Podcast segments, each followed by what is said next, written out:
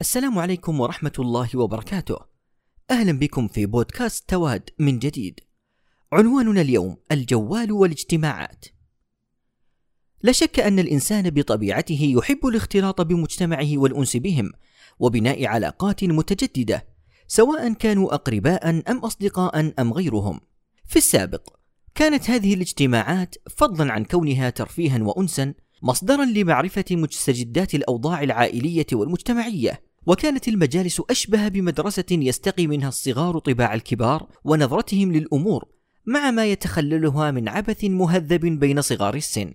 وبتحول سريع أصبحت المجالس عبارة عن شبكة بيانات تلتف حولها مجموعة من الأجهزة تستقبل وترسل. منظر متكرر في مجالس الأفراح أو العزاء أو جلسة الأقارب والأصدقاء. أو أي اجتماع آخر. رجالا أو نساء كل أحد يسامر جواله ويتحدث إليه من تطبيق إلى آخر. شخص في زاوية المجلس بأذنه سماعة بلوتوث وينظر إلى جواله ويضحك. في الزاوية الأخرى آخر منهمك بالرد على رسائل المجموعة ولا يشعر بما يدور حوله وآخر ينتقل من هاشتاج إلى هاشتاج آخر يرسل رسائل صوتية وغيره منهمك بمكالمة. وبين هؤلاء شخص كبير السن لم ينغمس بفيض تطبيقات الجوال ينظر إلى عدد الحاضرين من حوله. مع ذلك يشعر أنه وحيد في المجلس. منظر على غرابته لكنه غدا مالوفا.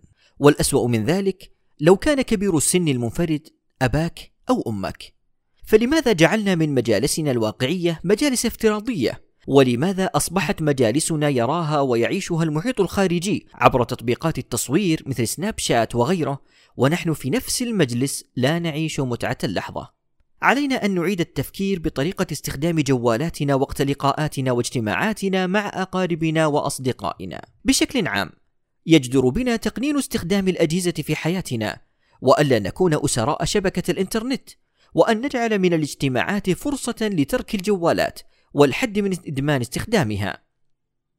من الجميل قبل الاجتماعات التنبيه على أن استخدام الجوال غير مرحب به، وأن يكون الجميع متفاعلا مع هذا الأمر. الاجتماعات غالبا وقت محدد، ساعة أو اثنتان أو حتى أربع ساعات. فإن كان اليوم 24 ساعة، أليس من المنطقي ترك الجوال هذه الساعات القليلة؟ فما بالكم بالاجتماعات الأسبوعية التي لا تمثل الأربع والخمس ساعات شيئا مقارنة بالأسبوع لما لا نطفئ الشبكة عند اجتماعاتنا العائلية؟ ما الذي سيتغير في العالم ويفوتنا؟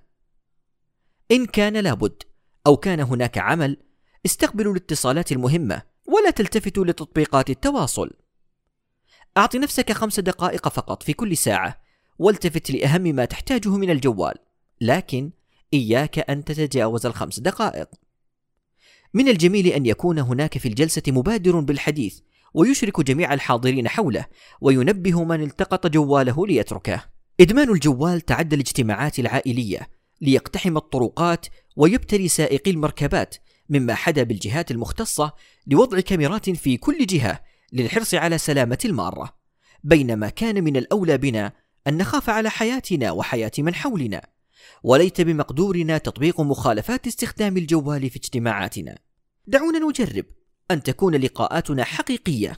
نستخدم فيها مشاعرنا وعقولنا بواقع حقيقي ملموس بعيدا عن أجهزة مصنوعة من قطع جامدة. لا تحس ولا تشعر. دعونا نجرب وسنرى الفرق.